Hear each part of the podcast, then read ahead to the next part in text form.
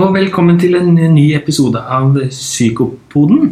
I dag skal vi snakke om antipsykotika. Eh, eller medisiner, medikamenter som vi bruker mot psykose, schizofreni og lignende tilstander.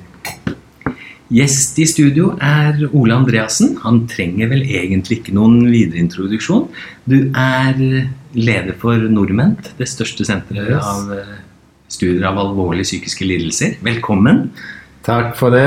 Veldig hyggelig å være her. Og så er du professor på Universitetet i Oslo og underviser studentene i bl.a. disse medikamentene som vi skal snakke om i dag. Ja. Det høres bra ut. Kan ikke vi starte litt med sånn, litt sånn utviklingen av disse medikamentene her? Jo, altså Antipsykotika det ble oppdaget ved en tilfeldighet. Var et par franskmenn som eh, drev og jobbet med noen bedøvelsesmidler ved operasjon. Og så så de at eh, pasientene ble rolige av disse medikamentene. Så var det et par eh, psykiatere som testet det ut blant pasienter med psykoselidelser og fant at det hadde en veldig stor effekt. Og da begynte det begynte å bli ta, det ble tatt i bruk da eh, ganske kjapt rundt omkring på psykiatriske sykehus. Mm. Så det akkurat som mange, veldig mange andre medikamenter, så ble det bare oppdaget ved en sånn tilfeldighet? Akkurat som penicillin og alle disse andre Ja. medisinene? Eh, og, og det interessante da var jo at man innen psykiatrien hadde eh, Det var fortvilende tilstander der. Det, man hadde ingen effektiv behandling. Tenk deg tilbake igjen da, på begynnelsen av 50-tallet. Man stuet vekk pasienten i svære asyl. De fikk eller sånn eh, De fikk eh, kuldebehandling, eh, sjokk med insulin. Det var behandlingen. Og, og det, var, det var veldig dårlig tilstand. Og da når det kom et nytt medikament, så endret det på hele psykiatrien. Mm. Vil du si at det var en revolusjon når disse medikamentene kom? Ja, absolutt. Det, det gjorde at man kunne bygge ned de store, svære asylene. Folk kunne hjelp av medisiner få av seg annen type behandling. Mm. Veldig interessant. Men, men hva er det? Hva er antipsykotika? Hva slags, hva, hva slags medisiner er det? Hvordan virker de? Kan du si som på en enkel, lettfattelig måte litt om det? Ja, det er eh, For det første er det jo fettløselige for det skal inn i hjernen. Mm. Og der binder de seg til, hovedsakelig til dopaminreseptorer. Noen reseptorer i hjernen. Ja, Ja. og Dopamin er et, et, sånn et signalstoff i hjernen, og da binder disse stoffene antipsykotika seg til disse dopaminreseptorene, men også en del andre. Og eh, bindingen er i forskjellige deler, både i basalgangliene, i striatum, og i frontalkortex, og litt spredt rundt i hjernen. For det, dopaminsystemet er der er ganske utbredt Mm. og har veldig stor betydning for mange funksjoner. Mm. Hva slags funksjoner har det mest funksjon? Det er jo kjent at mangel på dopamin så får man Parkinsons sykdom. Og derfor, hvis man da blokkerer for mye på disse dopaminreseptorene, får man bevegelsesforstyrrelser. Liksom parkinsonistiske. Mm. Men det er òg i frontalkortex har det mye dopaminreseptorer, og der regner man med at det har betydning for eh, tenkning og, og, og eh, kognitive funksjoner. Men også i, i mer limbiske systemer, hvor man tenker at disse medikamentene styrer mer med emosjonsregulering og, og kanskje hallusinasjoner. Men Mm. dette vet man ikke sikkert. da. Nei, nei, det er det man driver og forsker på nå. og det Ja. du driver og forsker på.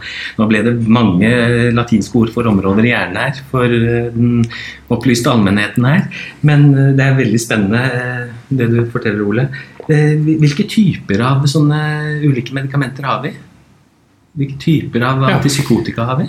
De første som ble oppdaget, de kalles nå for første generasjon. Det er mer sånn historisk, da. Og da der har vi eh, de klassiske haloperidol eller Haldol, Trilafon, Cisordenol.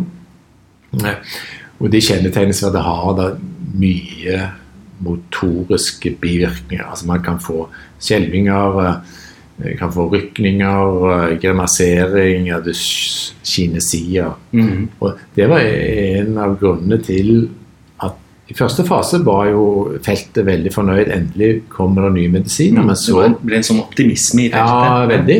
Mm. Men så så vi at de ga jo mye med, medikamentelle bivirkninger, disse her. Og det var ikke så at det, det, det var ikke bare bare å så ble det gitt for høye doser, og folk hadde veldig mye med bivirkninger. Derfor utviklet man andre generasjon. Så det har mindre av denne dopaminblokaden, men også har heller effekt på en del andre reseptorer, altså sånne nervesignalstoffer i hjernen. Og det, det viktigste der er vel Rispadal, Cyprexa, den type Abilify, noen av de mer andre generasjon. Mm. Og, og, men de har mer bivirkning der, er at de eh, kan øke vekt. Du kan få liksom forstørrelser i blodlipider og, og litt altså diabetes-type plager. Så de har også da bivirkninger med andre typer. Mm, mm. Så litt forskjellig bivirkningsprofil har de. Ja. Jeg bare kom på når du nevnte dette med dopamin og disse at mangel kunne gi Parkinson eh. Du har jo også det amfetamin. Det kan jo gi mange Hvis du tar amfetamin, så virker vel det eh, at det blir Motsatt. dopamin motsatt. Ja, og da kan du Ja. også få eh, de klassiske symptomene ved schizofreni f.eks. Hallusinasjoner og vrangforestillinger. Ja. Det er er derfor amfetamin er jo viktig å utelukke hvis en person har psykose, for den kan være såkalt amfetaminindusert. Dvs. Si at man har tatt eh, rusmidler, og så får man et bilde, altså symptomer, plager, som minner om en psykose. Men så er det jo bare rusmidler. Mm. Så det, det er eh, akkurat de samme stoffene, nemlig eh, dopamin, som det påvirker. Mm. Og og det er jo viktig å sånn differensialdiagnostisk ikke sant? være klar over at amfetaminutløste psykoser kan Ja. Ligne Ja, ja. på det. De går jo ofte veldig fort over også når, Ja, når de ikke tar amfetamin. Er, hva tenker du om det der fordeler og ulemper? Det skrives jo mye i media om disse antipsykotika og medikamenter man bruker i psykisk helsefeltet eh, generelt. Er, er vi flinke nok til å se på fordeler? Du nevnte bivirkninger. Hva er fordelen med det? Uh, ulempene ved å bruke dette her? Ja, altså det er jo Kommer an på hvem du spør, men det er jo halve clouet med å være lege og få utdannelse i dette her, er jo at man blir opplært og skal bli flink til å veie bivirkninger og effekt. Det, er jo ikke vanskelig å gi folk kjempehøy dose, og så får de veldig mye bivirkninger. Du trenger ikke noe utdannelse for det. Eller du kan bare kutte ut alle medisinene og ingen bivirkninger. Men da har ikke noe effekt. Så det, det er nettopp det som er utfordringen. Å finne det rette medikamentet i lavest mulig dose, slik at det får minst mulig bivirkninger, men beholder de gunstige effektene. Og igjen så tror jeg det er viktig at eh, generelt, man, man trenger ikke ha 100% effekt av disse medikamentene. Man trenger ikke bli kurert for sykdommen. Det, det er det veldig få som blir. Men man hjelper folk til å få mindre plager. Tenk, dette kan være veldig alvorlige plager folk har, med stemmer i hodet og tanker som forstyrrer nærmest hele tilværelsen. Bare noen få prosent reduksjon vil gjøre det lettere for, for de som rammes å ha disse plagene, til å få annen type behandling. Hvis man da har eh, medikamentell behandling i bunn, lavest mulig dose, så er det lettere å få hjelp av psykoterapi, det er lettere å få rehabilitering, kanskje gå på Nav-kurs, gå på skole. Så man, man trenger ikke ha 100% effekt. Du trenger ikke å bli kvitt eh, alle hallusinasjonene eller alle vrangforestillingene eller alle de symptomene på Nei. at folk kan lese tankene dine, eller at tankene dine blir spredt ut. Nei, og det, men det er ofte en utfordring. For noen, eh, noen ganger så må du tåle mer bivirkninger hvis det er veldig alvorlige symptomer. F.eks. dette med vold eller eh, truende oppførsel. Så er det viktig å være trygg på at, at, man får kontroll på den type farlige og, og, og, og veldig uheldige symptomer. Og da blir det kanskje noe mer bivirkninger. Mens hos andre hvor det ikke er så plagsomme. Mm. Så, og dette er opp til den enkelte og familien til å være med på den vurderingen. Mm. At da må legen gi råd og si at det ene på den siden her er bivirkninger, her er effektene. Og så eh, var med å diskutere hvor, hva som er den optimale behandlingen. Mm, ikke sant? Og så er det jo ofte sånn at man har eh, størst dose i starten i akuttfasen, og så kan man redusere, kanskje nesten halvere Ja, ja, dosen ja. etter hvert. Ja. At den blir men, minst, minst mulig, og da minst mulig, minst mulig bivirkninger. Eh, Men du nevnte effekten, og den, du nevnte vel også at effekten var størst på disse det vi i psykisk helsefeltet kaller eh, positive symptomer, som hallusinasjoner og, og vrangforestillinger. Har det noen effekt på negative symptomer noe særlig? Eh. Lite. Ja. Det, det, det er, en, er en utfordring. Man, man ser på det store antallet, det er vel en 70-80 har en effekt på sånn akutt psykose. Dvs. Si, som du sier, altså vrangforestillinger, eh, sansebedrag, den type sånn aktive symptomer. Mens eh, det er mye lavere andel som har effekt på dette med motivasjon og initiativ, som vi kaller for negative symptomer. Og det kan jo være det som er det vanskeligste for å få de tilbake i arbeid eller skole og sånne ting ofte, den motivasjonen. Så da er det viktig at man kommer til med andre tiltak Ja. når du har dempet de positive symptomene. Ja, så det, det, det, er også veldig viktig at disse medikamentene skal aldri brukes alene. Det, det er jo en pakkeløsning. At man har medikamenter, og i tillegg så får man andre typer tiltak med psykososiale forhold, undervisning eller skolegang eller tilrettelegging på jobb. Men også det er lettere også å, å treffe venner og familie hvis man har litt kontroll på disse veldig, altså skremmende eller veldig urolige symptomene da, som, som kan være eh, hallusinasjoner og vrangforestillinger. Mm, mm. Ja, for, for ikke sant eh, nå, nå nevner du korttidseffekten. ikke sant, At den er 70-80% kanskje av de med en, eh, med en, som kommer med en psykose første gang, kan ha en god effekt av det i de store studiene som eh, Ja. publiseres. Og så sier du vel også, hvis jeg skulle prøve å oppsummere litt, at selv en mindre effekt enn det er egentlig en effekt, fordi du kommer til med samtaleterapi, Ja. familiearbeid, rehabiliteringstiltak og sånne ting. Ja, men, og, og, og det gjelder vel mange plager i psykiske lidelser, at man må få kontroll og, og, og klare å leve med dem uten at de blir totalt vekke. Mm. Og Det er nok et viktig prinsipp også ved psykosebehandling. Mm.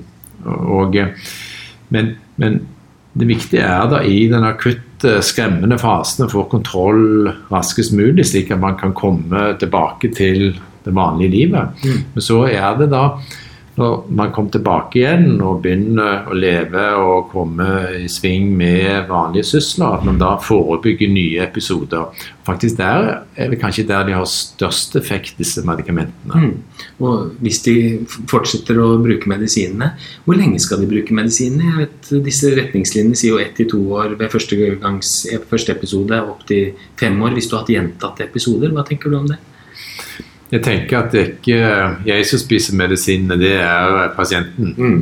Så dette er noe folk må finne ut av eh, selv. Jeg, jeg syns retningslinjene er ganske fornuftig på akkurat det. At du prøver et par år, lavest mulig dose, ser hvordan det går. Og, og, og, eh, og så, hvis det har vært veldig alvorlige episoder, må du kanskje prøve lenger. Hvis det har vært mindre alvorlige, så kan du kanskje kutte ut eller prøve med lavere dose.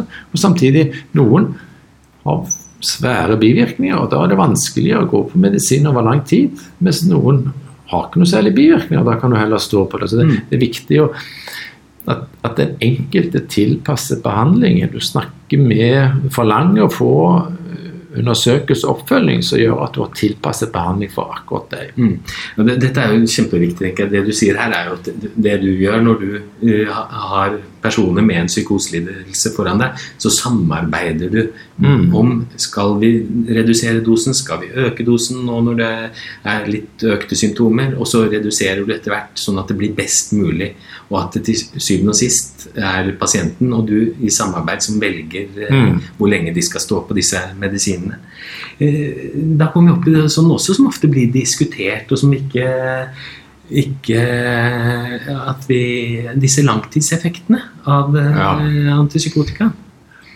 Det er vel ingen medikamenter i medisinen, eller ingen behandlinger generelt, som man har målt over lang tid hvordan det virker. Verken medikamenter eller eh, ikke-medikamentell behandling eller tiltak. For det, det finnes ikke vitenskapen eller forskning. Det er veldig vanskelig å få den type eh, hva skal jeg si, metode, bra nok metode, så at man kan måle dette. Så man har tror ingen medikamenter har man noe særlig mer data på kanskje to-tre år. Kanskje noen studier med noe Noe hjerte- hjertemedisiner. Ja, mm. ja. Ellers er det veldig få. Mm. Og det samme med antipsykotika. De lengste studiene er vel kanskje et par år, og man har sett at de har eh, rimelig bra effekt.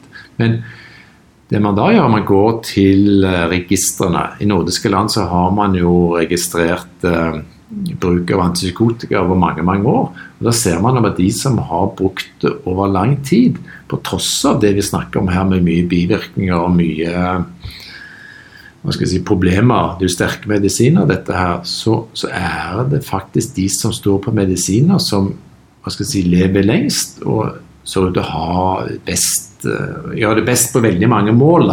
Mm. Så å stå på det over også lang tid, det skader ikke pasientene. Nei, ikke Altså, det er jo igjen lavest mulig dose og, og, og minst mulig plager og lengst mulig. Men det er de tallene som vi ser på folk som stopper dette i 10-15-20 år, brukt disse medisinene. Så det er de faktisk som lever lengst og har best mulig funksjon. Mm. Og Det er et lite paradoks, det. Spesielt ett eh, medikament man har sett på som heter Clozapin, eller Leponex, som er mye Hva skal jeg si Det kan få bivirkninger med noe sånn blodproblemer. Du får eh, aganulocytose. Mangel på hvite blodlegemer. Ja, det er det det kalles. Ja. Og Der må man gå og ta kontroll hyppig for å måle dette. Og Det viser at de gjør det best. De, på tross av en del bivirkninger, så er det de som da har stoppet disse medikamentene, som lever lengst. Mm. Og det virker på mange ulike reseptorer i hjernen, gjør det ikke det? det er, jeg syns jeg har lest det, at det er Jo. mer- sånn vidtrekkende. Og vi vet jo ikke helt hva en psykose skyldes, så det er, det er sannsynligvis et stort samspill her som vi gjennom forskning vil finne mer og mer ut av. Var, sist uke var jeg på sånn et 60-årsjubileum eh, for han eh, Arvid Karlsson. Han fikk Nobelprisen for å oppdage dopamin. Ja. Tenk deg det. I, i, I 63 visste man ikke at dopamin fantes i hjernen engang. 56 år siden. Ja, ja, ja. Så, så da har man gradvis funnet ut av dette, og han var veldig eh, altså Personlig, han, han vitenskapsmannen Arvid Karlsson var veldig for dette med å ha sånn en, profil som gjør at du får mindre bivirkninger, med samtidig effekt. Mm. Tror du vi finner nå frem, fremover bedre medikamenter for psykosepasientene? Det er et stort Ja, spørsmål. ja, jo. Men det, det, det dumme der er at man er litt sånn uh, i De som forsker mye på dette her, syns det har vært så vanskelig at man har trukket ut veldig mange ressurser. Så det er faktisk mindre forskning på medikamenter ved, ved psykoselidelser. Mm. Og det er uheldig, for det, man trenger bedre medikamenter. Og, og jeg tror at det er absolutt mulig Man finner jo ut, forskes veldig mye på hvordan hjernen fungerer, hvordan eh, nerveceller snakker sammen, og gener som kan gi opphav til eh, psykose, hvordan det påvirker hjernen. Og at der er det mulig å oppdage nye medikamenter med mindre bivirkninger.